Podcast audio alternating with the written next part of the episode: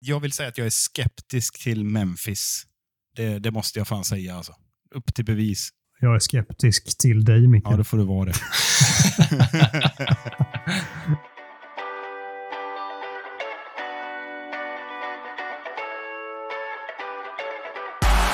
Manchester United score? They always score.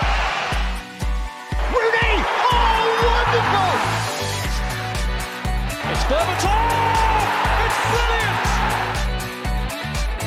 Marcus Rashford! Oh, glorious! That is a special one!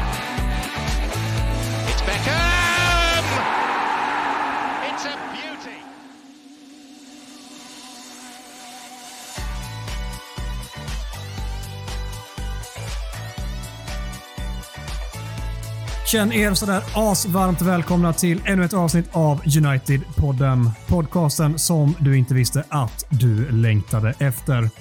United-podden görs i ett stolt samarbete med både den officiella supporterklubben MUS och United-redaktionen på Svenska fans. Vi är tillbaka sådär gött i era lurar som bara vi kan, öppnar jag totalt ödmjukt med att säga. Mackan, inte helt chockerande. Du är nyss hemkommen från en golfrunda. Hur står det till? Jo, men det, det är bra. Eh, ruset efter golfrundan har lagt sig lite och nu, eh, nu, nu är jag redo för att podda. Eh, särskilt med Micke. Det, det känns som det var skitlänge sedan jag fick eh, prata med, med dig, Micke. Så det, det ser jag fram emot. Fan vad länge sedan. Hur många jordfräs blev det idag på rundan då? Du var ute på några åker och stod och saftade där tio gånger med ni- järnjärn. Ja, det, vi kan lämna den här rundan eh, åt historien, tycker jag. Och så kan vi gå vidare i livet. Det är bättre så. Du var ju alldeles vansinnig när du kom hem förut och hade haft en boll som var så jävla nära på att gå i hål sa du. Ja, det var, det var en halv millimeter från Eagle typ. Så eh, då, då, hade, då hade jag varit en sprudlande macka här. Då hade det nästan varit samma energi som efter Liverpool-vinsten förra veckan. Men eh, små marginaler. Små marginaler. Hårfina marginaler. Ja, Micke då, vad sker i ditt makalöst intressanta liv för stunden? ja, jävlar vad intressant det är alltså. Nej, inga Eagles eh, nära förestående får vi säga. Det är mest trasiga Eagles som, som tillverkas här borta. Jag känner mig lite trasig idag faktiskt. Jaha, alltså. Utveckla. Något du vill berätta för oss? Nej, jag vet inte fan. Bara allmänt lite så bräcklig. Så det kan, eh, varna känsliga lyssnare, kan komma lite vad som helst idag. Från mig. Eller så här eh, post semester och sommarkänsla som eh, börjar tränga sig på. Jag vet inte, mina psykologer är inte överens vad, vad det beror på, på egentligen. Så vi går vidare, tänker jag. Vad, hur mår du? Du har, du har ett helt team, eller? Ja, Ja. en för varje liksom. Eh, ja. ja, det är rimligt. Ja, fan vad gött. ni är mina United-psykologer. Liksom. Det får man ändå ge. Ja, du har fan många. Det, det ska man ha. Det ska man ha. Jo, men det, det är bra med mig också Micke. Jag har min första riktiga semester på hela sommaren nu som är typ en och en halv vecka lång här mellan två olika jobb. Eh, Så rätt skönt att gå runt och klättra på väggar som jag alltid gör. Det har jag fått lära mig att handskas med. Underbart. Det är som eh, Robinson-Robban där. eh, Kommer ni ihåg han? Ja. Ni, är för, ni är för unga, men eh, lag Nord består av Robert Robban Andersson mellan två jobb. Det är fan jag just nu. Inga likheter i övrigt dock, ska, ska sägas. Nej, jag, jag hoppas inte det i alla fall. Nej. Det var väl han som målade sig blå, va? Ja. När det var typ final i Robinson och så käkade han upp sin röst. Ja, det gjorde han. Fan vad du minns bra. Ja. Och eh, programledaren eh, An Anders Lundin sa Robert, Robert, vad gör du? det var kul. Tv-historia. Vem i, vem i podden har mest Robinson-deltagar-aura? Är det lätt att sparka in upp en dörr och säga att det är Gustav som inte är här? Eller? Det är klart att det är Gustav. Alltså vad gör han? är på någon ny jävla eh, kapitalstark eh, semesterort. Kapitalstark. Är det någon som har missat det eller? Han har lagt upp typ 447 stories sen i fredags på Instagram. Så det, jag tror att han är i Sevilla. Det har inte undgått, uh, undgått mig i alla fall. Men jobbar han för eh, det här gamla nedlagda programmet Packat och klart? Eller Packad och klart? Eller vad heter det? Och klar? Han kvalificerar sig för båda i alla fall. När de fjärran Gugge. Ja, men det ser ut som att han eh, kikar massa konst och grejer. Det har han tydligen i sig också. Ja. Ja, men du vet eh, från eh, Elfenbenstornet där i centrala delen av London så, så är det mycket konstfokus. Men nu kommer han bli arg på oss eftersom vi har roastat honom ännu en gång i hans frånvaro. Ja, det får han fan suga i sig och brösta. Manchester United åkte till en lurig bortamatch mot Southampton och trocklade till sig tre så viktiga poäng efter ett mönsteranfall i den andra halvleken. Som sig bör får Mackan kliva in direkt här med sin veckans macka och betygsätta lite prestationer. Kul. Kul att få göra det igen. Och föga förvånande, förra veckan var han bäst. Lisandro Martinez. Denna veckan är han bäst igen.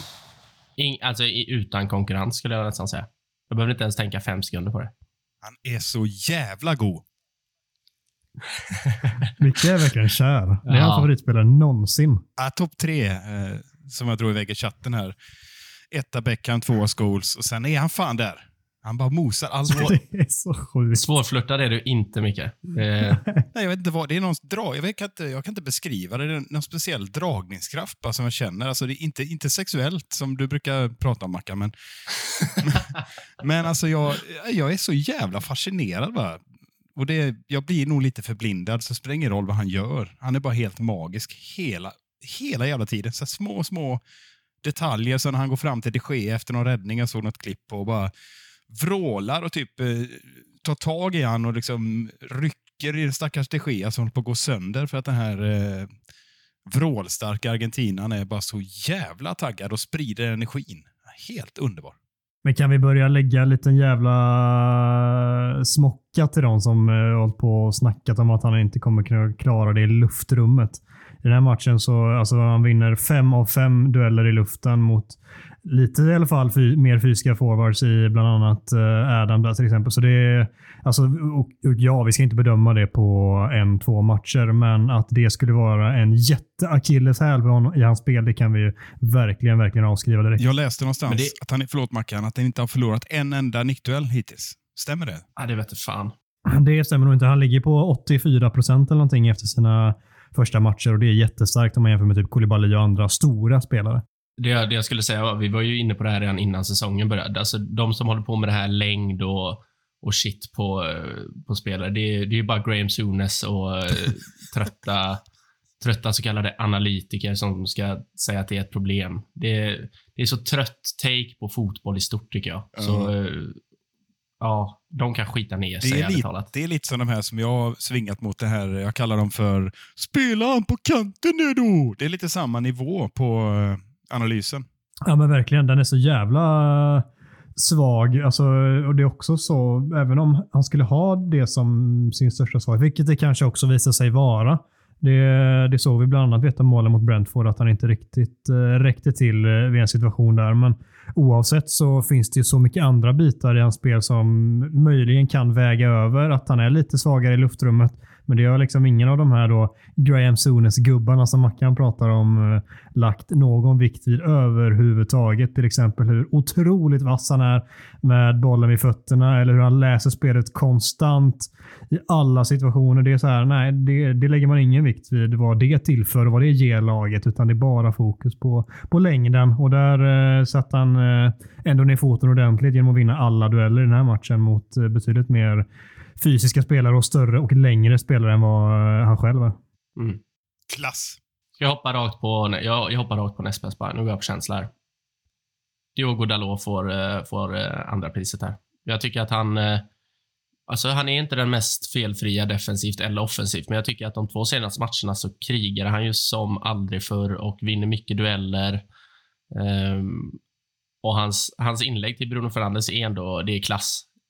Först tänker jag att nu har han gjort det igen, nu har han bara skickat in en chansboll, men det är, den är ju perfekt i steget på Fernandes som bara lägger till bredsidan och så är det, och så är det 1-0. Så jag, jag, tycker att, eh, jag tycker att hans inställning framför allt eh, och även att han har förbättrat sig defensivt. Offensivt har han fortfarande mer att hämta, men defensivt tycker jag ändå att det börjar se bättre ut. Så han får min, eh, han får min silvermedalj från eh, Southampton-matchen. Ja, han var bra. Han var bra. Jag, jag håller honom som på den bättre hälften helt klart i United i matchen. Jag vet inte om jag har honom som tvåa, men jag tycker att han visar vid eh, framförallt målet att han har offensiva kunskaper som han bara inte får loss än. Och det tror jag handlar mycket om självförtroende. Återigen, som jag lyft tidigare, det är en spelare som kontinuerligt i ungdomslagen gjort väldigt mycket poäng i Porto, men inte riktigt fått loss det i varken United då eller Milan när han var där på lån. Så det finns mer att hämta där än vad vi har sett hittills. Så att bara få sätta den assisten till Bruno och vara matchavgörande på det sättet kan nog göra mycket för honom.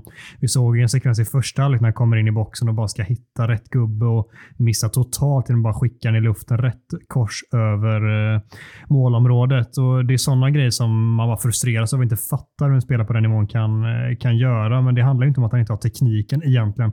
Det handlar om att han får ju snudd på panik där för att han vet att han slått bort så många lägen. Och istället för att titta vart möjligheterna finns så får han den paniken och så bara skickar han in bollen och hoppas att, eh, att det ska resultera i något. Den här gången vid målet så höll han sig lugn, tittade upp, såg Bruno, sätter honom rätt på läppen och så har vi ett jättebra avslut och så vinner vi matchen på det. Så offensivt eh, visar han mer än man har visat på länge. Jättebra. Defensivt emellanåt som du säger, det finns mer att önska. Men jag, jag gillar så som han tar sig an matchen och eh, jag såg något klipp på hur han liksom analyserar, hur de analyserar hur han framförallt eh, rent taktiskt har anpassat sig till Ten Hags fotboll, vilket eh, stämmer bra överens med det sättet som det har snackats i det om att Ten Hag gillar honom som spelare väldigt mycket och tror att han kan forma honom till en spelare som kommer göra sig väldigt gott i United.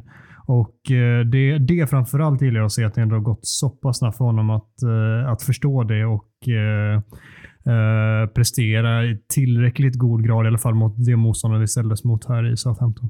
Ja, men det, det du är inne på, den här, eh, det positionsspelet som, som verkar passa Dalot väldigt bra som vi såg vid målet. Det är för övrigt ett väldigt bra anfall hela vägen med, eh, mot ett uppställt försvar som jag, jag vet att eh, Ten Hag vill att vi ska spela. Påminner lite grann om hur City spelar med uppställda, mot uppställda försvar med, med högerytten i det här fallet och Sancho, för mig tar den, eh, eller Elanga tar den här breda rollen. Eh, Dalot kliver in och är någon slags inverterad offensiv eh, Cancelo ytterback. Eh, och från hans position så är han svår att markera, som det här klippet som jag tror du refererade till Adam. Och sen ehm, sen rörelsen eh, av både Elanga och, eh, och eh, Sancho som möter och slår ut, slår ut bollen till Dalot som har tagit en ny position. Det är ju fantastiskt, men det är klart att sen är det mycket kvar att göra som det brukar numera sägas. Och den passningen är ju den mest optimala och han hittar den. Och jag skulle säga att eh, i matchen så tycker jag flera gånger så, så kom han jävligt bra i, in i positionsspelet där han hotar med sina kvaliteter. För han är ju väldigt tekniskt begåvad och han är inte den gamla klassiska högerbacken som kommer på överlapp och slår perfekta inlägg varje gång, utan han ska ha en, en, en sån här position som är lite mer varierad. Och det verkar i alla fall som att han eh, har fått en bra start. Jag tycker det var många situationer när han kom rätt i den här matchen som, och även defensivt som, som Mackan är inne på. Så att, eh, ja, men jag, köp, jag köper valet som näst bäst. Adam, om du inte har den som näst bäst, då får du ändå bolla upp en, eh, en bubblare. Tycker jag. Mm, jag tycker att äh, återigen Varan går att lyfta där. Han är sådär självklar som han var mot Liverpool också och i en helt annan typ av match. De känns så jävla trygga ihop, så lyfter man Martinez så tycker jag att man ska lyfta hans kollega också. Uh, han går absolut att lyfta där, men det är så många som konkurrerar som är liksom ungefär lika bra. Där Dalot är en av dem också, så det är inte fel att välja Dalot.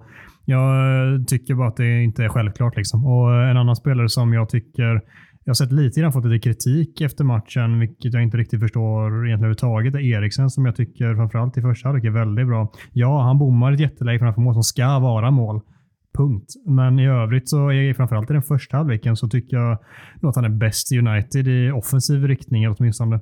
Han är ständigt väldigt lugn och trygg, har fyndiga lösningar medan många andra spelare runt honom sprider bollar och tappar bollar.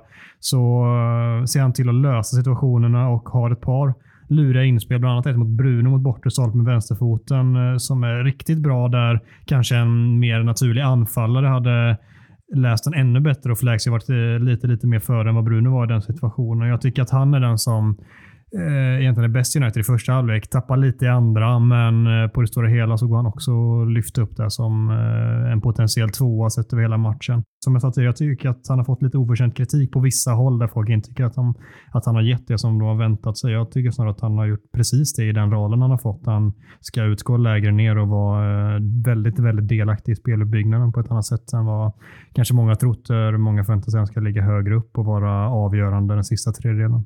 Vad bra motiverat ändå va? Ja, tycker jag. Utförligt Adam. Tack, tack, tack. Varsågod. Om eh, Marcus ska få plocka ut eh, den spelaren som måste höja sig mest för väljarna då? Ja, jag, jag ville undvika det här förra veckan, men denna veckan då undviker jag inte det. Jag, jag tycker att eh, Cristiano Ronaldos inhopp är fan på gränsen till pinsamt alltså. Han visar ju ingenting och han, han är lat, han tar knappt en maxlöpning. Ser eh, ja, men han, ser, han ser helt enkelt omotiverad ut. Och det är han väl då. Det finns, jag tycker det finns en situation som är typ tydligast när han, han får ett halvfriläge och eh, mot, jag tror det är Salisu som bara springer om han hur enkelt som helst. Och det, det, finns liksom ingen det finns liksom ingen energi eller vilja till att ens ta sig framåt mot en målchans. Han, han ser bara helt, eh, han ser helt avstängd ut. Så jag, jag, tycker, jag tycker att han, han är sämst. Jag tycker Rashford och Elanga gör ganska svaga insatser också, men jag tycker ändå Ronaldos inhopp är, det är fan sämre. Ja, det håller jag inte med om att Elanga och Rashford är nära Ronaldo. Jag håller däremot med dig om Ronaldo. Eh, det är ju tydligt. Det vi ser är ju, vi har ett lag och sen har vi Cristiano Ronaldo. Han spelar en slags egen bubbla och det var väl, eh, om man ska ta med sig någonting, den här hemska 04 eh, matchen mot Brentford var ju att när Ronaldo kom in där, eller, eller startade, gjorde han väl till och med, eller hur fan var det? Han startade. Han, startade. han sprang omkring hela matchen och spelade sin match. Eh, och Det var ju samma sak nu med, bara att då var det så här håglöst, så det sket väl eh, Brentford lite i det andra halvlek, när han sprang och sköt på allt och vad det nu var. Det är bara så tydligt att eh, han är inte en del av gruppen. Det är det jag läser av eh, egentligen alla hans eh, alla aktioner i det inhoppet. Nej, men jag, jag tycker, eh, alltså, jag ska inte säga att Rashford och Elanga var nära i, i insats. Jag menar bara att de, det var väl de två som jag tycker stack ut mest negativt av de som startar matchen. Eh, men eh, det är som du säger, det är, det är tio spelare och så är det Ronaldo. Så, och det, eh, jag säger ju skeppa honom nu bara. Och så slipper vi sitta här och ta upp detta varje vecka i veckans macka, för jag börjar faktiskt tröttna på det. Vi är uppenbarligen eniga kring Ronaldo, men Micke, du ser inte ut att hålla med riktigt kring Elanga och Rashford. Nej, alltså jag, jag måste säga att jag tycker Elanga fått, eh, om vi ska klumpa ihop matcher då, nu pratar vi om den här matchen, men jag tycker han gör det riktigt, riktigt, riktigt, riktigt bra. Han eh, spelar uppoffrande, han, till skillnad från Ronaldo, så tar han, eh, allting han gör är maxlöpningar. Eh, han eh, jobbar väldigt hårt och han är fortfarande valpig och lite, lite vad ska man säga, vass i kanterna, eh, försöker utmana, tappa bollen. Men så var ju Rashford också i början av sin karriär, om ni minns, eh, minns honom. Eh, han gjorde fan, varierade fantastiska saker med så här, supermärkliga moment där han sprang ut med bollen på kortlinjen eh, flera gånger så här, under en match. kunna göra. Och Elanga har lite samma, lite där valpiga, liksom får inte med sig bollen riktigt för det går väldigt fort när han kommer. Men jag tycker han, han eh, gör starka insatser hela tiden och arbetsinsatserna. Visst, man kan inte bara springa på en plan, men jag tycker han är en av de, tillhör en av de bättre i så fall. Eh, just för att han, han underordnar sig systemet, han underordnar sig och tar det här jobbet som är livsviktigt för att ge snidare som Eriksen, Bruno, ja, ni vet, Sancho. De här, vi måste ha sådana spelare som spelar osjälviskt och jag tycker han gör det. Han gör det bra.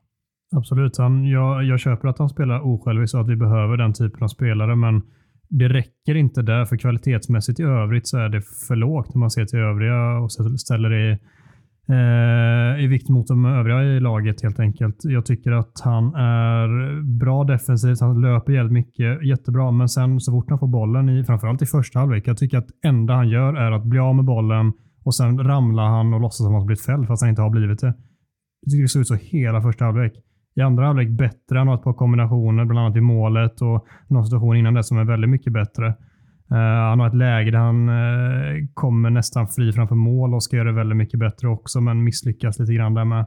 Det, liksom, jag tycker den här kvaliteten som är så bra bit ifrån väldigt många i väldigt många situationer och jag tycker inte riktigt att jag håller med om heller den Rashford-grejen från när Rashford slog igenom. För när han slog igenom så lyckades han med två av tre grejer. Den tredje var, precis som du säger, den var sådär. Men de två, två grejerna som han lyckades med där var ju egentligen utslagsgivande varje gång och det är det ju aldrig när Elanga gör någonting egentligen. Utan utan det, när, han, när han gör någonting bra så lyckas han hitta, ta sig loss ur situationen och hitta en medspelare. Och Det kanske är för att de är olika spelartyper, mm. men jag, jag tycker kanske att den jämförelsen haltar lite grann ändå. Jag, jag menade mest touchen på, med bollen. Eh, som, som är lite, jag menar inte att de är likadana spelare. De, de är olika spelare. Det, det, ska sägas. Rashford är ju, eller var, var ju, en, en väldigt mer direkt spelare som tar tog avslut egentligen och ville komma till snabbt avslut antingen genom att slå ett inlägg eller, eller gå på skott. Eller någon, han är väldigt direkt. Liksom. Det, det är hans kännetecken. Där är inte Elanga.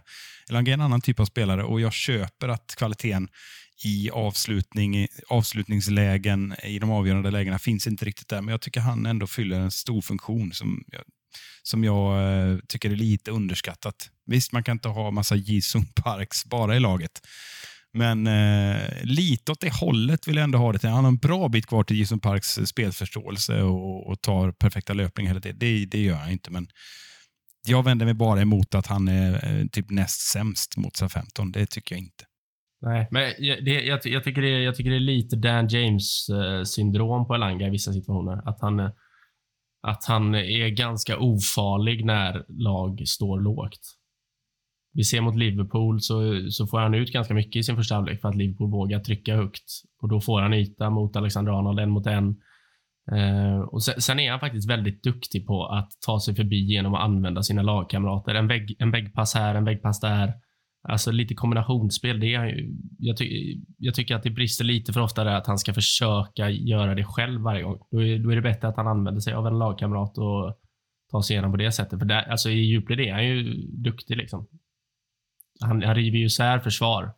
Mm. Det är bara det att jag tycker det brister lite i bolltouch och beslutsfattning och ja, alltså det lilla, lilla, lilla sista som, eh, som krävs om du ska spela för, eh, för ett topplag i Premier League. Ja, du, du har rätt där och han sa ju det själv. Det är en väldigt, väldigt viktig säsong för mig det här.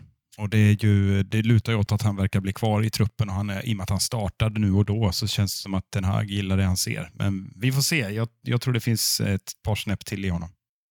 Mm. Utan att fastna där för länge också ska vi såklart säga det samtidigt att Rashford var ju också lite där Dan James-vibbar eh, som du beskrev det Mackan i den här matchen. Han fick starta som anfallare, fick kliva ut på kanten sen lite i andra halvlek, eh, men fick inte jättemycket uträttat om vi ska vara ärliga. I första halvlek tycker jag att det går att försvara honom lite grann för han får ju typ ingen boll överhuvudtaget. Men mm. i andra halvlek så är det inte mycket som stämmer. Och det, det är synd att se efter förra matchen, men eh, det det ska nog bli bra det där så småningom, så säger jag helt blint. Full av kärlek.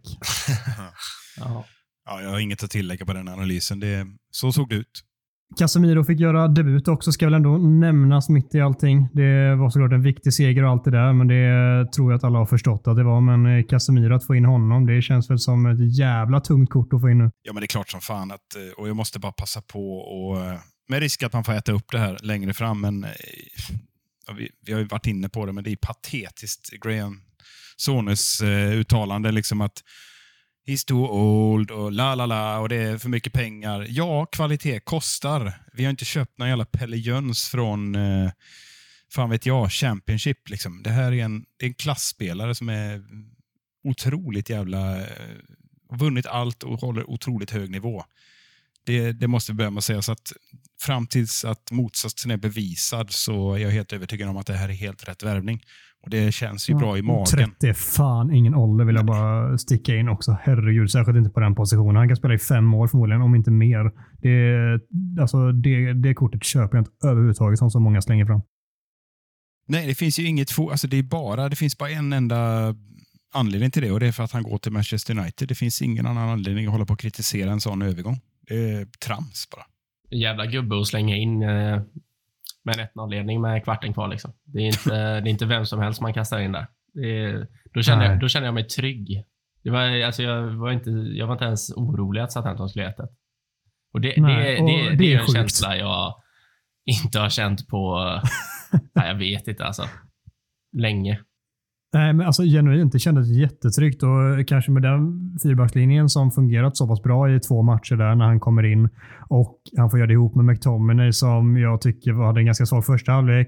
Men så fort vi tar ledningen så är han jävligt viktig i matchen för oss när vi försvarar. Då, de sista 30 framförallt tycker jag han är väldigt bra McTominay och bara liksom döda Southamptons anfall. Så att då ha den fyrbackslinjen med McTominay och Casemiro framför, det ska fan i mig mycket till för att ta sig igenom där och göra mål. Och Fred in också va? Om jag inte... Ja, ännu senare kommer han också. Ja, Galna Fred. Det är ju ännu godare. Alltså Fred, Casemiro och Scott McTontenisse. Det är klass, eh, klassgubbar. Alltså. Det är briljant tremanna bortamatch i, i en eh, CL-final här om två år. oj, oj, oj, så gött. ja, men eh, tio minuter bara säger inte jättemycket, men, men det är klart att eh, som ni är inne på, eh, inte ens Ward Prowse eh, fasta situationer kändes farligt. Casemiro var ju på plan, liksom. det var bara somna om. Riskerar att göra en höna och en fjäder, men vilken jävla pondus han kliver in med också. Han känns så jävla självklar och här är jag. Liksom. Det, det är sånt sån kaptens-aura på honom utan att han är lagkapten och kliver in där och bara så här, så här gör vi, så här reder vi ut det. Det har jag gjort hundra gånger förr. Inga konstigheter. Lita på mig. Och så bara klart. Innan vi släpper Southampton-matchen, får jag bara skicka iväg en såg till? Kör.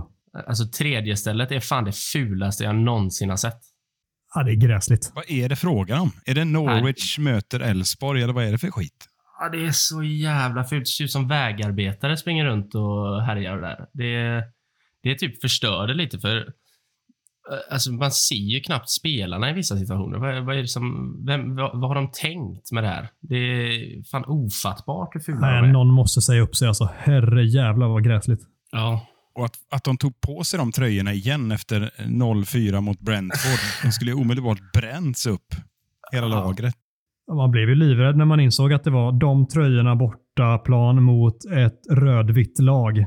Jävlar vad kalla kårar jag fick när jag insåg det. Ja, fy fan.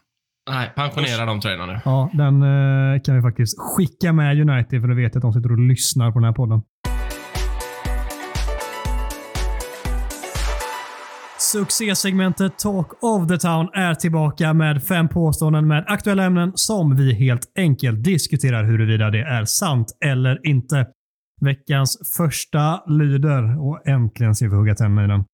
Antoni är för dyr. Vi borde ha avstått från att värva honom nu. Och lite, lite kontext. Ni har garanterat koll på detta och det är förmodligen officiellt också när det här kommer. Vi spelar in måndag kväll. Det sägs det kan bli officiellt redan ikväll. Det kanske blir det tisdag, men eh, när ni lyssnar på detta så är det garanterat officiellt. 100 miljoner euro, det snackas då, eh, eller är det som det ska handla om, 95 plus 5. Och det är ju en jävla massa pengar. Eller vad säger du Mackan? Ja, det får man säga. Eh, jag, jag gillar också att eh, så fort United har värvat en spelare så älskar brittisk press att skriva det i euro. Men så fort eh, City, eller Chelsea eller Liverpool värvar, då är det pund som gäller, för då ser det mindre ut på pappret. Liksom. 84 plus 4 låter väldigt mycket mindre än 95 ja, plus 5. Alltså jag fattar ju att det är lika mycket pengar. Jag bara påpekar. Eh, jag, jag, är inte så bränd.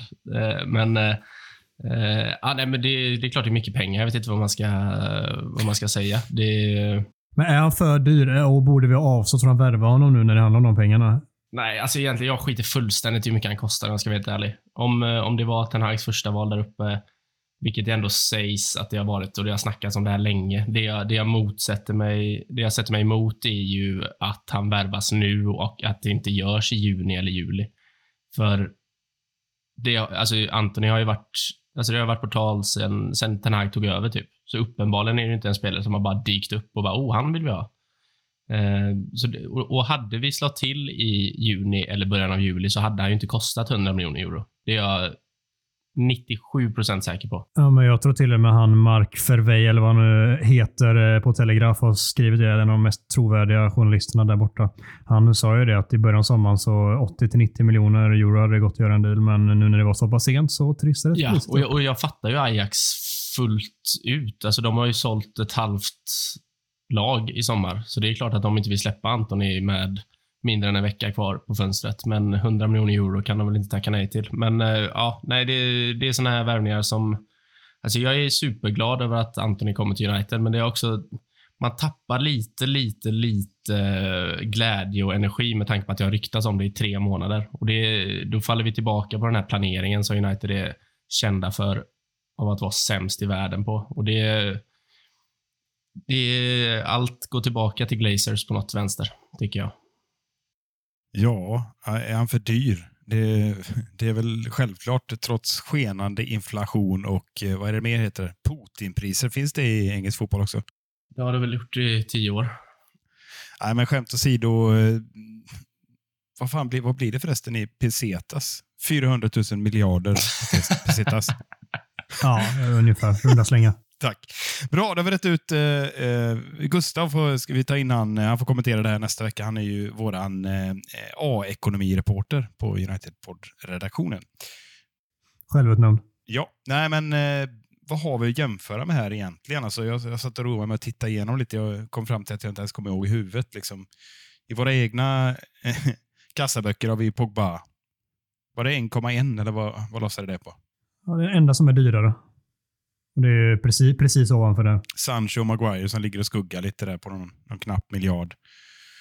Och sen har vi Grealish som folk eh, gör sig lustiga över och säger att nu kan Grealish andas ut. Att United har köpt en mer övervärderad spelare menades då. Eh, jag vet inte riktigt vad man, vad man menar med det. Alltså, men skillnaden då, om vi ska ge mig på en jämförelse, det är klart att Pogba får väl anses som något mer etablerad. Samma sak med Maguire och vi vet ju alla varför Maguire är så dyr. Engelsman och jada, jada, jada. Eh, men det är klart att det här är väl 300-400 miljoner för dyrt. är väl en känsla när man, man Sen om det hade varit eh, som Mackan är inne på, om, om vi hade köpt honom direkt där och planerat. Liksom, det första att han gjorde var att släpa med sig brassen liksom, över. Jag vet inte om, om det fanns någon utköpsklausul. Jag, jag har faktiskt inte läst på, men jag har svårt att tänka mig att, att det hade blivit sådär jättemycket billigare än typ 700-800 miljoner. Det är väl en grov gissning, liksom, för man börjar prata om de siffrorna. Och Spelar det någon roll? Är det inte det också lite överprisat? Det vi betalar nu är ju för att det närmar sig deadline och att Ajax, eh, eh, som du sa, inte kan planera om och göra om här. Eh, och Det är ju därför de här sista 200-300 miljonerna eh, slås på. Men sen kan man ställa sig frågan, var det en livsviktig värvning? Jag tycker det finns andra, och vi ska ju prata mer om det sen, men som man borde ha lagt krutet på i så fall om man kan lägga en miljard på honom. Ja, det är väl mest det som många ställer sig frågan till. Eh, är det värt att lägga så mycket spelare eller pengar på en spelare när det behövs annat? Jag kan typ tycka det på ett sätt också, att vi, att vi väljer att pinpointa de spelarna. För som jag har varit inne på tidigare, i alla fall i mitt tycke, så kommer vi ändå inte kunna lösa det här på en, ett fönster. Det kommer krävas ett, två till och få ordning på truppen någorlunda så som Ten Hag vill. Och då tycker jag det är bättre att han verkligen får de spelarna han vill ha, hans första val om det är möjligt. Och så eh, får det istället ta ett par extra fönster istället för att han ska ta liksom, B, eller C eller D-alternativen. Då eh, tycker jag detta är mer rimligt att vi väljer att gå så hårt för honom. Det är en ung spelare som har en otrolig X-faktor i sin en mot en förmåga som har bevisat sig i holländska ligan. Nej, han gör inte jättemycket poäng. Det är många som har tagit upp det. Det har han inte gjort hittills, vilket eh, kan vara lite alarmerande med tanke på vilka pengar han betalar. Men där väljer jag helt att lita på Ten Hag som har jobbat med honom i två år. Han kan personligheten, han kan hans kvaliteter. Han skulle aldrig säga till United att betala en rekordsumma för honom om inte han trodde att han kommer vara värd det i slutändan. Det, det säger ju sig själv såklart. Så eh, jag landar ändå att det är värt att lägga de pengarna. Hur sjukt det än låter. Det är klart att det är ett jätteöverpris och det skrämmer ju vem som helst. Och Det är klart att det är jättesvårt att leva upp till de pengarna. Allt det där som man givetvis ska brasklappa för. Men om man liksom zoomar ut lite så kan jag förstå tänket kring det. Uh, sen borde vi såklart lösa det tidigare, det har vi redan varit inne på. Men jag kan förstå tänket med att man ändå väljer att göra dealen i slutändan. Ja, alltså nu, nu är han ju uppenbarligen klar då, som eh, vi konstaterade eh, när det här sänds ut i eten. Och Då finns det inte så mycket mer att säga. Det är bara att vänta och se vilken typ av prestation vi får. Men eh, jag, jag, säger, jag är lite så här halvljummen eh, i mina förhoppningar. Det kan ju vara en förtäckt Ronaldo. Ja, ni minns ju hur Ronaldo såg ut när han stapplade in på sina rådjursben i United. Liksom. Eh. Eh, och uh, ingen riktigt visste vad han höll på med sina överstegsfinter. Den här killen känns ju mer färdig tekniskt nästan. Ser otroligt... Uh, det kommer bli mycket liksom YouTube-clips och, och memes av den här snubben, men eh, det är ju inte bara det vi är intresserade av. Men det är klart att det kittlar ju lite med han och Sancho på var, varsin sida. Ja. Och, och en vänsterfotad offensiv spelare. När hade vi det senast? Nej, förutom Ja. den uppenbara då, men han kan vi ju skita i. Eh, utöver det så var det ju jävligt länge sedan. Ja, det är Di Maria typ. Ja. Och han var så jävla rolig att kolla på United. ja, han älskade att Ja. vara United. var väl något, hans fru älskar också att vara i Manchester. Det var kul. Ja, det har hon gjort väldigt Det verkar som att tydligt. inte har kollat på hur hennes man ser ut heller. Men eh, det, det kan vi låta vara där. Ytligen. Han är inte jättevacker. Han, han känns som en typisk ösregnmorgon i Manchester. va? Ja, Lite jo. samma. Ser ut som en råtta liksom. Ja, det, det, det, det kan vi faktiskt säga. Men eh, vi kan väl ändå återgå till Anthony. Vad, alltså, det är en spelare som kommer från holländska ligan. Det tycker folk är helt sjukt att lägga så här mycket pengar på. Samtidigt har Liverpool värvat från portugisiska ligan för precis samma peng och det är tydligen helt logiskt, asbra och jätterimligt. Det kanske visar sig att han är jättemycket bättre, Darwin Nunez, men att bara slänga det argument som väldigt många gör, det haltar ju något in i helvete. Ja. Också ytterligare en sån Ja. trött jävla take på fotboll i stort tycker jag. Alltså, Okej, alla har väl börjat någonstans tänker jag. Men man kan inte bara värva från Premier League Mm. hela tiden. Så det är supertrött take. Jag, alltså, jag blir så trött på såna enkla poänger som folk ska ta. Åh, han spelar Holland. Ja, jo, för att han tillhörde Ajax, det där jävla nötter. Ursäkta. Spelar det någon roll vem United hade värvat? Har vi värvat Det Mbappé, den här Messi vinkeln och... ändå. Ja, så Ja. det... Kan, vi, kan folk sluta med det bara? Nej, det kommer de inte göra. Det är bara upp till oss att sätta oss eh, på tvären emot dem Ja. och ge blanka fan i det egentligen, men det klarar man inte alltid av. Nej. Nej, men vi, alltså vi ser ju, vad, vad kostar Morgan Gibbs White, Nottingham Forest? Han kostar typ 550 mil. Liksom. Priserna är sjuka. Det har vi väl vant oss vid vid det här laget. Sen att Anton är, är för dyr, det kan väl alla hålla med om. Men jag vet inte vad mer man kan ta från det egentligen. Vi kommer få se en jävligt underhållande spelare som jag litar blint på kommer, eh, i och med Ten Hags liksom omdöme om honom, kommer så småningom växla ut till en väldigt bra spelare i Manchester United. Och jag är jättetaggad på att se honom spela. Det kan säkert ta ett tag innan han är fullt akklimatiserad. Det såg vi med Sancho förra året och det kommer säkert bli likadant här, men eh, så småningom så tror jag det kommer vara en extremt sevärd spelare. Får vi, en, eh, får vi ett uh, bett här, blint bett här, inte ens skrivit på än. Eh, över tio mål, ja eller nej, i år I ligan eller totalt? totalt. Ja, Nej, han landar på 8-9. Sju. sju, det hade fan varit bra. Jag, sju plus åtta gör han, tror jag. Gör minst 15 poäng, tror jag. Du sa ju ja på Mm. tio. Ja, men jag garderar mig. Minst 15 poäng, säger jag. Riktigt jävla feg. Ja, fy fan alltså. Ja. Ekonomiprofessorn. Uniteds hantering av målvaktsfrågan är rent ut sagt för dålig. det här hatar inte du att ta tag i, Adam. Nej, nej, det gör jag faktiskt inte. Jag tycker det är så jävla märkligt att... eh, För det första så, så här, ja, ja, ja, jag vill jättegärna ha in en målvakt. Det har ni nog förstått, ni som har lyssnat typ två sekunder på den här podden tidigare. Men eh, sättet som United letar målvakter, det är ju så här. Vi, chans, ja, kanske den målvakten där som är i den här åldern som spelar på det här sättet. Eller kanske den här som är en helt annan ålder och spelar på ett helt annat sätt. Det finns liksom ingen röd tråd överhuvudtaget i vilken typ av målvakt. Och nu landar det till 99% i Martin Dubravka på lån från Newcastle. Där vi har en köpoption på 5 miljoner pund. Det är en målvakt som är 33 år gammal och eh, det blir bara en ren andra målvakt. Jag, jag blir jättegärna överbevisad att han har något helt annat i sig än vad vi har sett i Newcastle här i, ja, när kom han dit? Typ 2018 eller 2019 och sådär. Att han eh, har något helt annat i sig än det, men det är ju jättesvårt att se. Det är ju en målvakt som ska in och kanske spela lite cupspel emellanåt och då tycker jag så här, vad fan spelar Tom Heaton då lika gärna? Han är inte så jävla dålig. Det, är- det är så jäkla märkligt på alltihop, men eh, ja, om jag litar på Ten Hag i Antoni-fallet får jag väl göra det här också, även om jag inte riktigt kan förstå det här och nu. Ja, fan, alltså det är bara... Jag, jag satt och lyssnade på det, men samtidigt så kan jag inte släppa tanken på det här hur, hur man på ett, en slags tombolavis eh, drar fram olika namn som... Jag får lite så här Leif Loket Olsson-vibbar. Jag vet, han stod där eh, i studion. Äh, ni vet inte det förresten. Det, ni kanske inte såg det, men han stod där och drog ur tunan. Det var skoj. Nu ska vi se här vad vi får fram för, för målvakt till Blåvitt här. Ja, där fick vi fram eh, Gösta Boman. Nej, det var moderat partiledare. Jag får ta någon annan här. Så du. Men det känns som att det är han som har lett den här eh, eller? transferjakten på målvakter. Har med sig den här tunan och så står Levi, han som var kontrollant. Levi, våran kontrollant från Göteborg, står här och drar.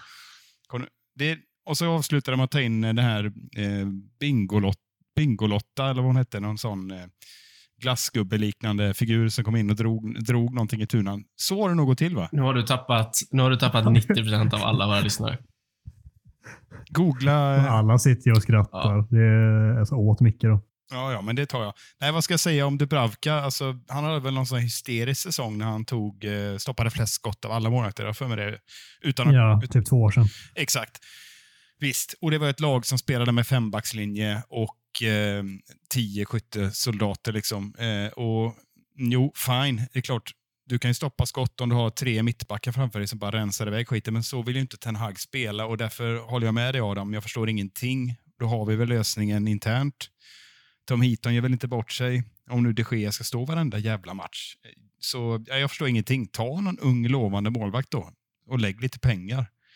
För eh, det finns ju gott om eh, både andra och tredje keepers i Premier League som, som säkerligen skulle kunna vilja gå till United och vara backups som är minst lika bra som Dubravka. Och vi har redan en sån i mål, så jag håller med.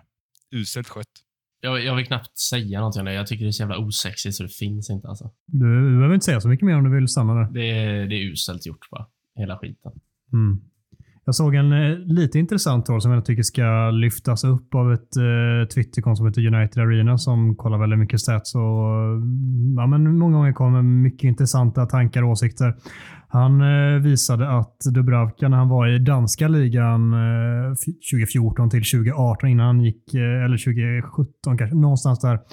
Eh, I alla fall så spelade han i Esbjerg och där spelade han i en väldigt hög backlinje. Han var en riktig sweeperkeeper och eh, spelade väldigt mycket med fötterna. Men eh, det är också fyra år sedan senast han spelade den typen av fotboll. Och sedan dess har han ju bara stått på linjen och boxat och räddat och eh, fått jobba reflexer. Eh, men han har spelat sån fotboll tidigare i karriären. Frågan är i vilken grad han kan lösa det i en Premier League-kontext och i ett United och efter så pass många år när han kommit upp lite i åren. Han är inte jättegammal på målvakt, men han är gammal. Alltså, Warner han i Blåvitt är ju ledig snart. Ta in honom istället. Ja, Världens bästa målvakt fötter. med fötterna. Vi saknar en 20-målskytt i laget. Därför missar vi topp 4. Jag kommer få mothugg på den här frågan då, men eh, även om jag sågar honom under, under mackans, veckans macka så är ju Ronaldo den enda för mig i den här truppen, oavsett hur han har sett ut, som kan göra 20 mål, så som jag ser det. Eh, Martial kommer inte göra det, för han har uppenbarligen gått sönder två gånger nu på väldigt kort tid. Det är min erfarenhet av, av honom och liknande spelare som, som försöker stressa sig tillbaka för att United saknar alternativ där uppe. Inte bra. Eh, jag har svårt att se han får kontinuitet och, och smälla in 20 kassar. Rashford har ju visat att eh, krutet är blött, som man brukar säga. Det ska det inte vara. Och vad har vi mer då? Ska Antoni komma in? Vi har precis dömt ut hans chanser att göra över tio mål här. Så eh, jag skulle säga att det är ju en lite av en, inte forwardskris är väl att ta i, men jag sätter ett stort frågetecken på forwardsuppsättningen och framförallt målgarantin, för den tycker inte jag vi har i truppen just nu. Om Ronaldo säljs, ska jag säga, för han kan skaka fram 20 mål, det tror jag. Mm, väldigt svårt pussel det där. Vi ska lite senare här i Talk of the Town prata bredare om transferfönstret säger och tycker vi ska prata om just den här biten med eh, vad det finns för potentiella lösningar och hur det har skötts liksom, eh, anfallsbiten under fönstret. Men eh, vad säger du Mackan? Är det, är det så att vi saknar 20 målskytt i laget och är det i så fall det som är kanske tungan på vågen, att vi missar topp 4 i så fall? Nej, jag tycker att vi gör det. Alltså, vi saknar en utpräglad målskytt utöver eh, portugisen på bänken. Men eh, alltså, det, alltså, jag, jag, tycker inte att det är i så fall den stora anledningen till att vi skulle missa topp fyra. För med de spelarna vi har där offensivt så tror jag att målskyttet kan spridas ut på ett helt annat sätt än vad de har gjort de senaste säsongerna. Vi såg det under, eh, under Ole den säsongen när Martial och Rashford båda gjorde eh, över 20 mål, va? Jajamensan. Ja. Eh, vi har en Bruno Fernandes där bakom som gjorde sitt första nu i helgen. Kan han få loss eh, kan han få igång målskyttet så, eh, så har vi en spelare där som når upp till eh, ja, 15-20 kanske. 15 i alla fall. Ja. Mm. Eh, så, eh, nej, vi, vi saknar en utpräglad målskytt, men eh, jag, jag, jag tycker inte det är ett problem som gör att vi kan missa topp fyra. Det tror jag inte. Jag tror, jag tror, alltså mål kommer vi göra. Det är bara att jag tror att det kommer bli bra mycket mer utspritt än vad det var till exempel förra säsongen när Ronaldo gjorde majoriteten av våra mål under våren i alla fall. Om Martial håller sig någorlunda fit så har han ju 20 mål i sig totalt och Kanske inte ligamässigt, men totalt har han 20 mål i sig. Det har han absolut och det har han visat tidigare. Men jag tror så här att vi kommer göra, utan Ronaldo, kommer vi göra fler mål som lag än vad vi skulle göra om han skulle spela varje match. Då skulle han kanske göra majoriteten av målen precis som, som förra året, men det, ska, det blir så att det kretsar väldigt mycket kring honom då, som vi har sett. och Så tänker inte den här spela fotboll, vilket jag tycker är helt rätt. Och då, då kommer vi sakna en 20-målskytt. Det kommer vi göra. Det kan vara en eh, möjlig faktor till att vi missar topp fyra, men jag skulle inte säga att det är den liksom pinpointer det som att det är därför vi skulle missa topp fyra, utan det skulle möjligtvis kunna vara en delförklaring, men eh, då är det en del annat som inte har stämt också. Att vi inte har lyckats få utvecklingen och processen i, i den rullning, i det tempot som vi hade önskat i så fall. Eh, och inte att, det, att vi saknar just en utpräglad målskytt som gör så pass många mål. Jag vet, jag vet att vi var inne på det redan under förra säsongen, att poängen spreds ut för lite. Alltså när vi sammanfattade förra säsongen så våra offensiva spelare stod ju... Var det någon som hade nått över 10 poäng typ i Premier League? Typ inte. Förutom Ronaldo och möjligtvis Bruno Fernandes då. Det, jag kan inte komma ihåg att det var någon som gjorde mer än 10 Nej. poäng. Nej, jag tror inte det var det. Och det är som du säger, utan Ronaldo kommer vi, vi ser ju att laget fungerar bättre utan honom. Fler spelare blir involverade i offensiven och rent naturligt kommer ju det bli mer poäng från olika håll då. Så eh, nej, jag, jag är faktiskt inte så orolig över det, om jag ska vara helt ärlig. Orolig, orolig. Jag skulle ändå vilja eh, sätta ett frågetecken. då. Jag tror absolut på Ten Hags sätt att spela fotboll. Jag tror absolut att det finns en poäng, det är ni inne på, att vi får ett bättre anfallsspel, mer rörlighet. Men fortfarande mot ett eh, lågt stående försvar eh, när vi ska hitta ett enkelt mål. Då ser inte jag riktigt spelaren just nu som gör de här 5-10 garanterade målen. Liksom. Du vet vad du får. Jag tycker Ronaldo är den enda som har de egenskaperna som kan ur ingenting skapa sig någon halvmeter och, och dunka dit något mål som krävs borta mot något grisigt spelande Everton. Jag vet inte, det, jag, jag är lite oroad eh, och jag hoppas jag får fel. Eh, vi får väl se om vi kan vaska fram någon, någon lösning här i vårt eh, transfersnack på slutet. Men eh, nej, jag skulle säga att eh, får vi inte tag på eh, någon eh, motsvarande målskytt så missar vi topp fyra. Frysboxen är fortfarande halvfull och truppen är fortfarande alldeles för stor. Har vi ett gäng spelare som, spelare som fortfarande är kvar då i Wan-Bissaka, Toan Sebe, Jones, Williams, Donny, Chong, Pelistri med flera. Mackan, vad säger du här? Chong verkar ju för övrigt försvinna, ser jag nu under kvällen till Birmingham permanent. Så då har vi en spelare mindre. Eh, sen, jag, vet, jag, jag har ju varit inne på det hela sommaren. Jag tycker att eh, bland annat Wan-Bissaka ska ju lämna. Men det tycker inte United. Som enligt trovärdiga uppgifter har nobbat bud från både Palace och West Ham. Eh, Brandon Williams borde ju inte heller vara Nej, men så ja, jag, jag tycker att nu, nu är det väl egentligen för sent då, för jag har svårt att se någon annan än Chong lämna innan fönstret stänger. Det, det skulle vara Ahmad då som lånas ut. Ja, Pelistri kanske lånas ut också. Ja, men han, han är skadad, så det Just försvårar väl hela grejen. Ja, så var det. Stämmer. Det, är väl, det är väl samma med Brandon Williams och Phil Jones där också, att de är skadade. Så det blir, eh, det blir lurigt. Vad säger du? Vad menar du? Det är skadad? Första gången i hans karriär. Vilket, eh, vilket bakslag. Nej, men Ja. jag, jag, jag, jag tycker att, eh, att det är för många mediokra spelare i Uniteds trupp. Det går ju inte att bli av med dem, för de får höga löner sett till kvaliteten. Och sett till hur, hur lite de har spelat, det, vad är det? Det är ju Fambisaka som folk vill ha. Eh, så Det är väl den enda spelaren som jag möjligen skulle vilja behålla i det här gänget. Alltså man räknar med att låna ut. För jag tycker väl Ahmad och Pilistri förtjänar väl en utlåning. Eh, vi har lagt en hel del pengar på dem, men det, vi lägger pengar på allt möjligt har vi noterat. Så det är inget konstigt. Men för mig är det oerhört konstigt, men eh, anledningen stavas väl eh, lön i förhållande till kvalitet. Då får man gå ner i lön, eller? Jo, men sit, sitter de här gubbarna på så hög lön? Jag tänker Brandon Williams, jag tänker Axel Toan Sebe. Nej, jag, jag menar kopplat till, eh, jag tror de har hög lön kopplat till vad de har levererat och kopplat till vad andra klubbar värderar dem. Det skulle jag, det skulle jag gissa. För annars så, vadå, så jävla dåliga är ju inte de här spelarna för en, en bottenklubb i Premier League eller en, en annan liga eh, som ligger kanske bortom topp eh, tre-ligorna. Så som jag ser det, jag menar, en sån som Phil Jones, för han var för en gångs skull då skadefri i någon annan klubb, spela, ta spel i MLS eller vad fan som helst, så gör ju inte han bort sig. Så nej, det, jag tycker det, det tycker jag är ett kraftigt underbetyg, även om jag köper det Adam är inne på, att det tar några transferfönster att bygga om den här truppen. Så för mig är det jättekonstigt att man inte har lagt ner lite mer tid på att skyffla iväg den här typen av spelare.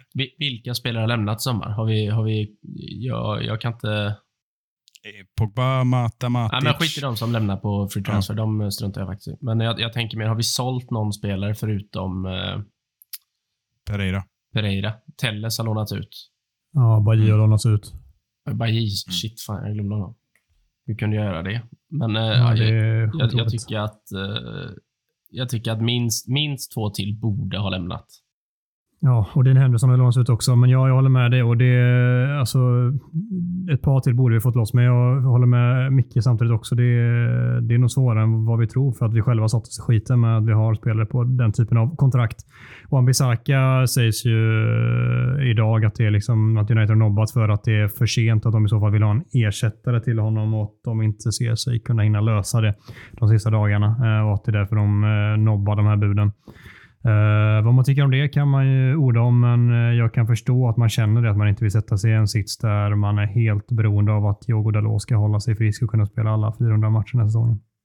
Nej, det är, det är rimligt. Liksom, och det, men det är igen som Mackan var inne på tidigare, det finns ju någonting i att, att vi inte agerar på, på det om man inte är nöjd. Om Tenag säger att men, eh, Bissaka kan inte spela med eh, vår fotboll, liksom, då ska han ju bort omedelbart och så ska man ta in en spelare då. Eller satsa på Laird eller vad, vad, vad, man nu kommer fram till. Men det här är, det är ett konstigt sätt eh, tycker jag. Och något annat än att eh, de har insett att de inte hittar det de vill ha nu. Det, det finns väl ingen annan rimlig förklaring varför han, eh, eh de nobbar bud på honom nu.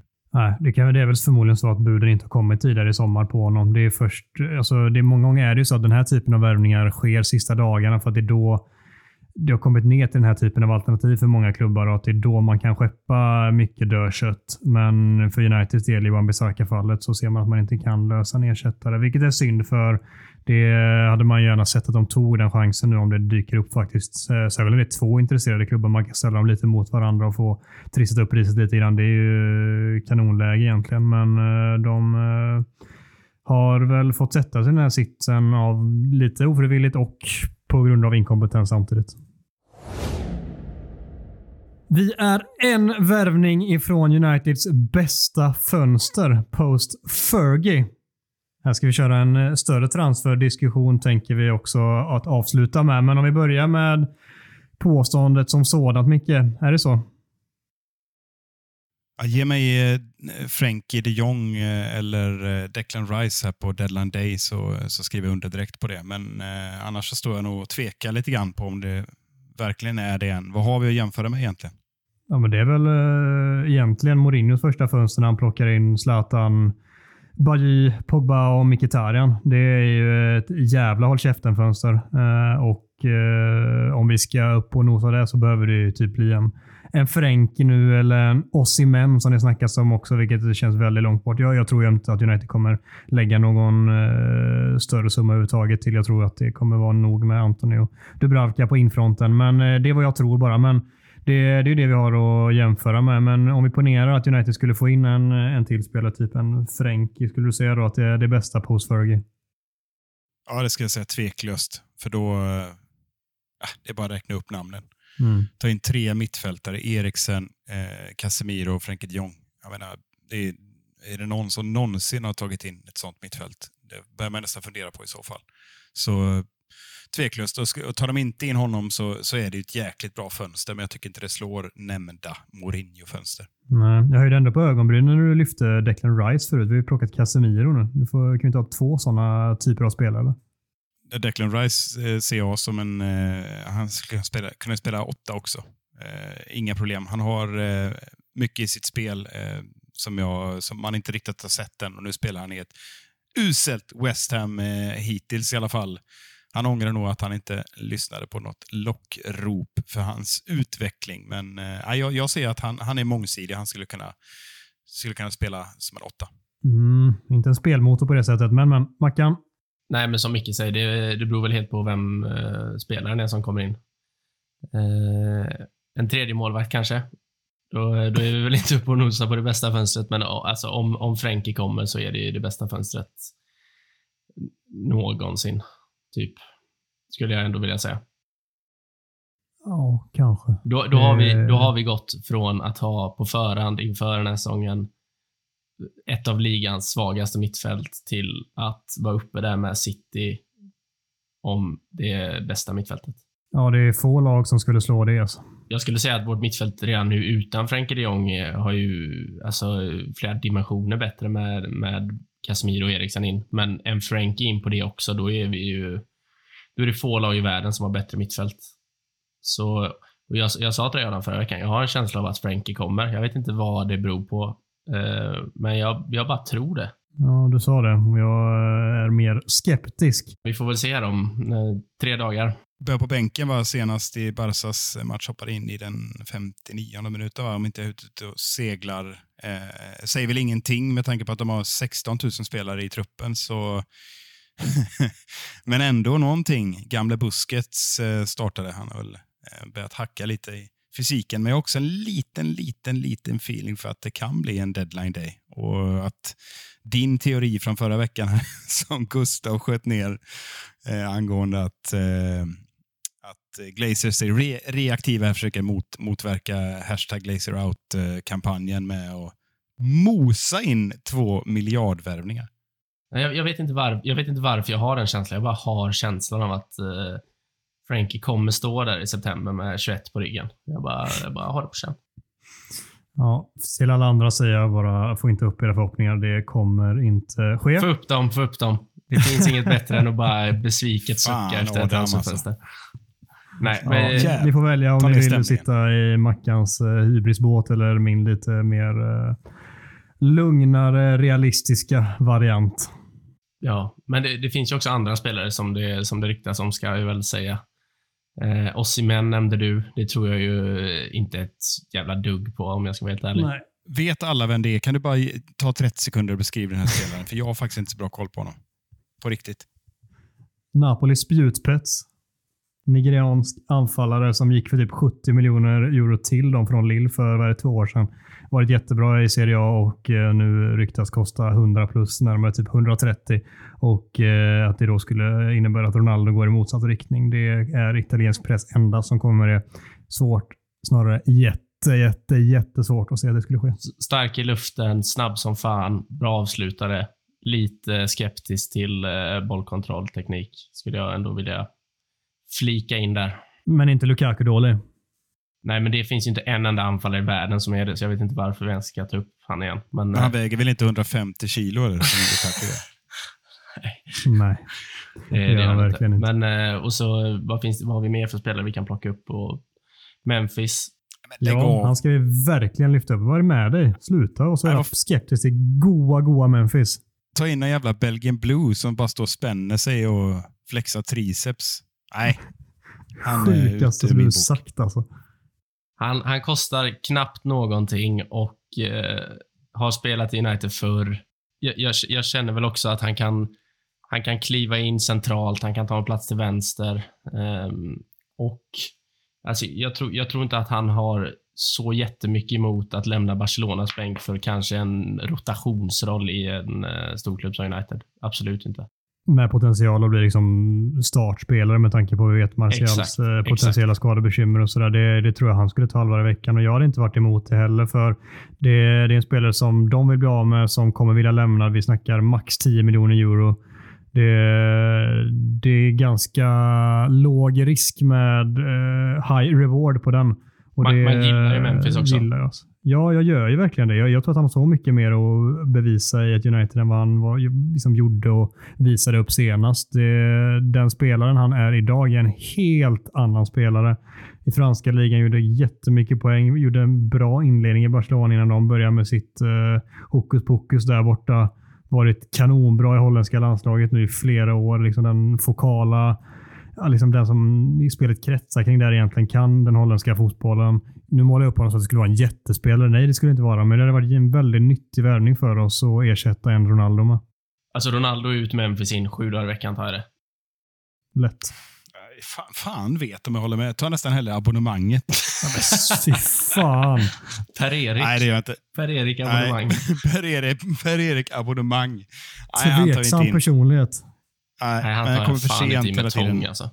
Han kan få gå till Nej, Chelsea. Han är tydligen lösningen på deras anfallsproblem. Mm, eh, visst. om, om, vi, om vi ska såga Uniteds värvningsstrategi genom åren så Chelsea ska ha sig en rejäl slev skit alltså. vad är det för eh, spelare, eller vad är det för anfallare framförallt de tar in? Alltså det, är- Todd Tomten Bowley sitter där och leker football manager. ja, de, har, de har anfallskris och, det första han tänker är oh, han där eh, Aubameyang i Barcelona ser het ut. Eh, fan otroligt alltså. Ja, nej, fan. Men eh, jag, jag bara säger det innan om Depay. Alltså, då behåller jag fan nästan hellre Ronaldo. Alltså. Och en spelare som inte vill vara här, som bråkar och är för jävlig. Och, nej, aldrig i livet man väljer det före. Och erbjuder sig själv till varje Champions League-klubb. Alltså, vad ska han göra i Napoli? De har ju lika stor chans att vinna Champions League som United och vi spelar inte ens Champions League. Jag, jag fattar ingenting. Det skulle vara gott ändå om han gick till Napoli, för visst handlar det om Liverpool igen. Det är väl 29 gången man hamnar i samma grupp. Eh, och sänka dem, det hade varit kul i och för sig. Jo, men de kommer inte vinna. De kommer ju ha svårt att gå vidare från gruppen. Ja, nej, nej, det var inte så jag menar. Men jag, jag, är, jag vill säga att jag är skeptisk till Memphis. Det, det måste jag fan säga alltså. Upp till bevis. Jag är skeptisk till dig, Micke. Ja, då får du vara det. Ja, ja, det råder uppenbarligen delade meningar kring Memphis Depay. Jag skulle omfamna honom utan tvekan. Låt så att Mackan är på min sida i den här diskussionen åtminstone. Om vi eh, bara avslutar det här snacket med och eh, vi säger att vi inte, vi ponerar att vi inte värvar någon mer spelare. Hur eh, skulle vi bedöma fönstret då i så fall? Vad säger du Mackan? Jag skulle säga att det är ett bra fönster, men med lite frågetecken kring timing och planering. Ja, jag håller med. Samma här. Bra recenserat heter det. Facit, som, eh, som vanligt, när jag tar ton. Herregud, vilken hybris. Arsenal-nivå eller? Invincible-nivå.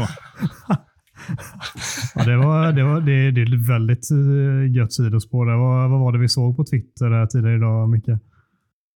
Ja, Det var, var det sån här, eh, man kallar det satir, tror jag det eller, eller Jag trodde det var det. När jag läste det så skrattade jag högt, så, sen insåg jag att det var, och blev även, upplyst om att det var flera andra, att det är alltså sant. Det är någon dåre som sitter där och röker på och får för sig att, att nu närmar vi oss, Arteta behöver bara fem, sex säsonger till, sen är vi Invincibles. Jag menar de en Championship, eller vad menar Ja, men det, det är sjukt. Jag tror tanken, eller det typ kontentan av tweeten var eh, från den här Arsenal-supporten som såklart inte ska få eh, stå som alla Arsenal-supporters åsikt, men det, det visar ändå sättet som väldigt många Arsenal-supportrar är på just nu efter fyra vinster mot uh, fyra blåbärslag. Att nu, nu är de bäst någonsin. Alltså det, det är på den nivån nu. Det, det är obehagligt. Det, de känner igen sättet som laget för sig nu efter de här segrarna på, och jämför det med Invincible-säsongen som för övrigt är så jävla icke-rekord så det finns inte. Vad var det i Invincible-säsongen? Var det 16 kryss eller något sånt? Eh, 22, 26-12-0 hade de, tror jag. Ja, det, är, det är ju bra faktiskt, men jag, jag tror inte att eh,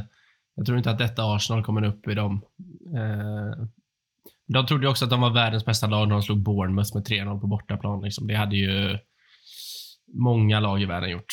Så, eh, Ja, det ska gudarna veta. sen, sen ska det faktiskt sägas också att de, de ser ju ganska bra ut. Ja, Men, eh, verkligen. Men eh, kanske inte på invincible-nivån, så dit vill jag ju absolut inte sträcka mig. Granit Xhaka ser ni han framför er driva ett lag in i obesegrad säsong? Liksom. Är, det, nä- är det nära? Ja, Nej, det, är, det är svårt. Tätt, tätt flankerad av Mohamed El Nenni. Där har vi det. De gjorde det igen. Nej, fy fan. Nu slänger vi igen det här snacket och så går vi vidare med avsnittet. Efter två raka vinster är det plötsligt helt andra vindar som blåser kring United och visst ska väl bara Leicester sopas av banan sent på torsdag kväll. Vad som väntar får ni veta från Micke omedelbums. Mm. Leicester är, de är ett av de här blåbärslagen som Arsenal slog tillbaka, eller hur var det nu? Det är fan ett blåbärslag om man ligger sist. Ja, precis. Mycket riktigt som du konstaterar så ligger de alltså sist, Leicester. Och det är faktiskt ett litet utropstecken, eh, skulle jag vilja slänga in. 0-1-3, eh, 6-10 i målskillnad. Alltså en poäng på fyra matcher. Och det är klart att eh, lite mer hade man kunnat kräva av dem, men det här, eh, det här är riktigt jävla uselt. Det är bara stackars Bournemouth som har, gjort, eh, som har släppt in färre, eller nu går det bra. Det är bara stackars Bournemouth som har släppt in fler mål en eh, trasan de har hängt upp i mål där efter Schmeichel, för han har ju lämnat.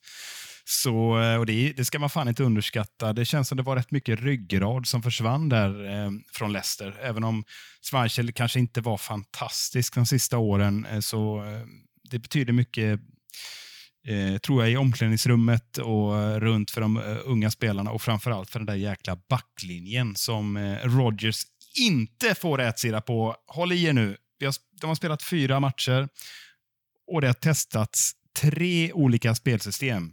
3-5-1-1, 4-2-3-1 i två matcher ska sägas.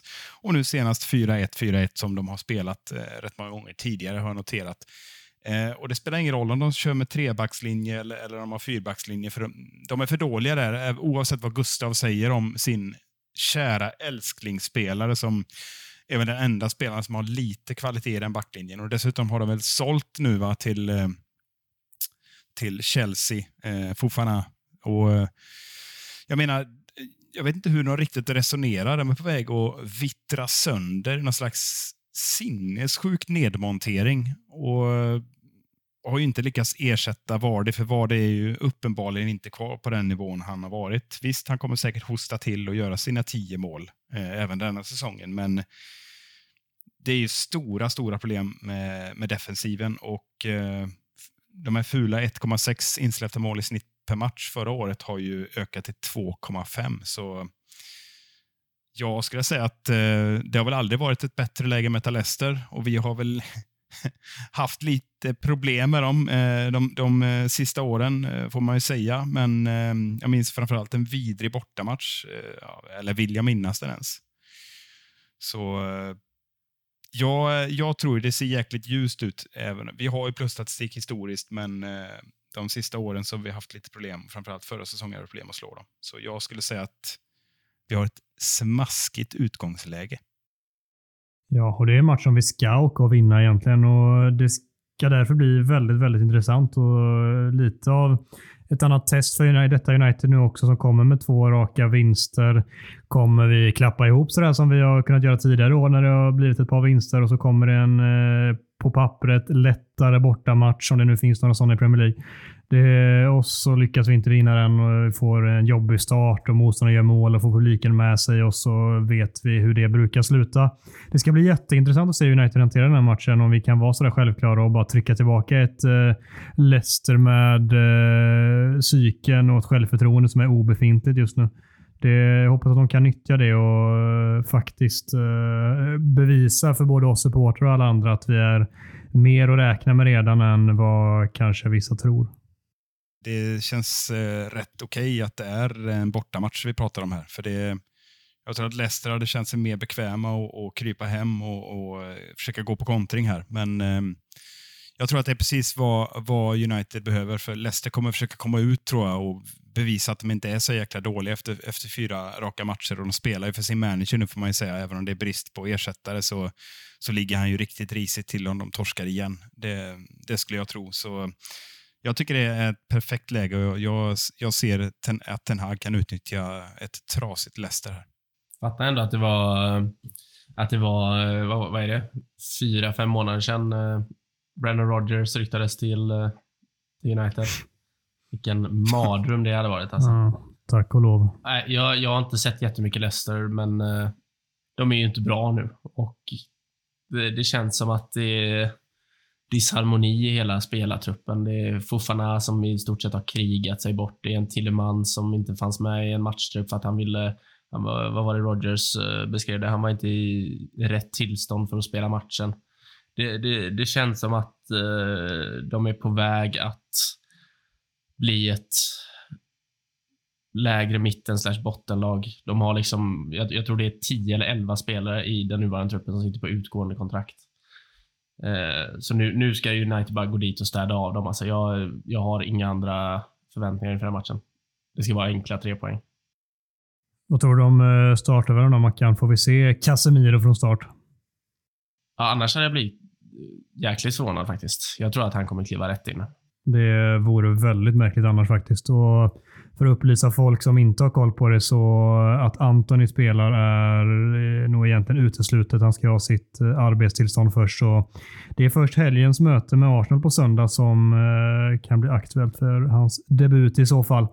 I övrigt så får vi väl hoppas, vi har inte sett någonting än i alla fall när vi spelar in detta om Martial. Vi får hoppas att han kan vara tillgänglig igen eh, redan mot Leicester. Det vore ju väldigt skönt för oss. En jäkla boost i det anfallet. Hade faktiskt, hade faktiskt inte varit emot eh, en Fred in bredvid Casemiro på mittfältet. Och eh, övrigt då? I så fall. Om inte, I så fall då behöver ju någon av Bruno och Eriksen flytta på sig. Ska de antingen sitta bänk då eller tycker att de ska upp eh, ett tack ut mot en kant? Ja, eller att en Elanga flyttar på sig. På mm. sig, nu kan jag inte prata. På sig. Eh, och så in med en Casemiro och Fred eh, och så Bruno eller Eriksen lite framför och så utgår en av dem från kanten och söker sig inåt. Det tror jag inte hade varit fel mot ett Leicester.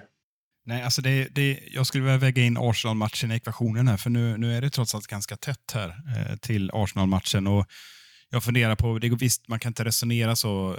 Nu ska vi ställa upp ett jämn, eh, lite halvjämnt lag här på torsdag och sen vässa och, och ha bästa laget på söndag. Men eh, jag blir inte förvånad om Casemiro eh, eventuellt börjar på bänk igen eh, och startar mot Arsenal. Eh, han fick tio minuter. Jag vet inte, han sägs ha tränat som ett djur som ni konstaterade förra veckan. Och har väl spelat, han vill spela någon match för Real om inte jag är helt ute och seglar. Eh, så det är väl kanske inga problem där, men det blir intressant att se hur han just komponerar mittfältet. Sen blir det också intressant att se utifrån att han verkar ha velat välja en utpräglad, utpräglad defensiv, McTominay, eh, och sen eh, Bruno och Eriksen. Eh, men det blir intressant att se hur han resonerar då. Eh, om han vill eh, spela brasseduon Fred Casemiro som spelar tillsammans på ett mittfält, ofta i Brasilien. Liksom.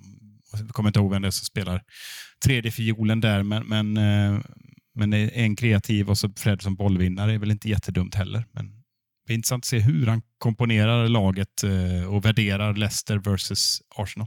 Mm. Det låter på det Micke som att det blir en eh, ganska enkel seger. Vad, vad vinner United med då? då? Nej, men jag, jag tycker det, det finns defensiva, eh, de här två sista matcherna, vi glömmer de första två, eller hur? Ja, de har inte ägt rum. Ja, lite så. Eh, nej, men jag, ty jag tycker vi har sett eh, en helt annan eh, trygghet, trots att Casemiro inte gått in än från start eh, och kommer skänka ännu mer trygghet i det här laget. Så jag tror vi håller nollan faktiskt. Leicester känns oerhört uddlösa och det känns som att vi har en 2-0-seger i oss. Mackan, vad säger du då? Tänkte säga att jag inte ville tippa igen, för jag vill inte bryta en vinnande trend, men eh, jag vill inte vara tråkig heller, så jag jag säger eh, 3-1. Då säger jag att det blir återigen 1-0, men eh, att vi skapar ännu fler målchanser än senast mot detta Leicester. Men har lite svårt att få in bollen. Men vi löser segern och det är det viktiga.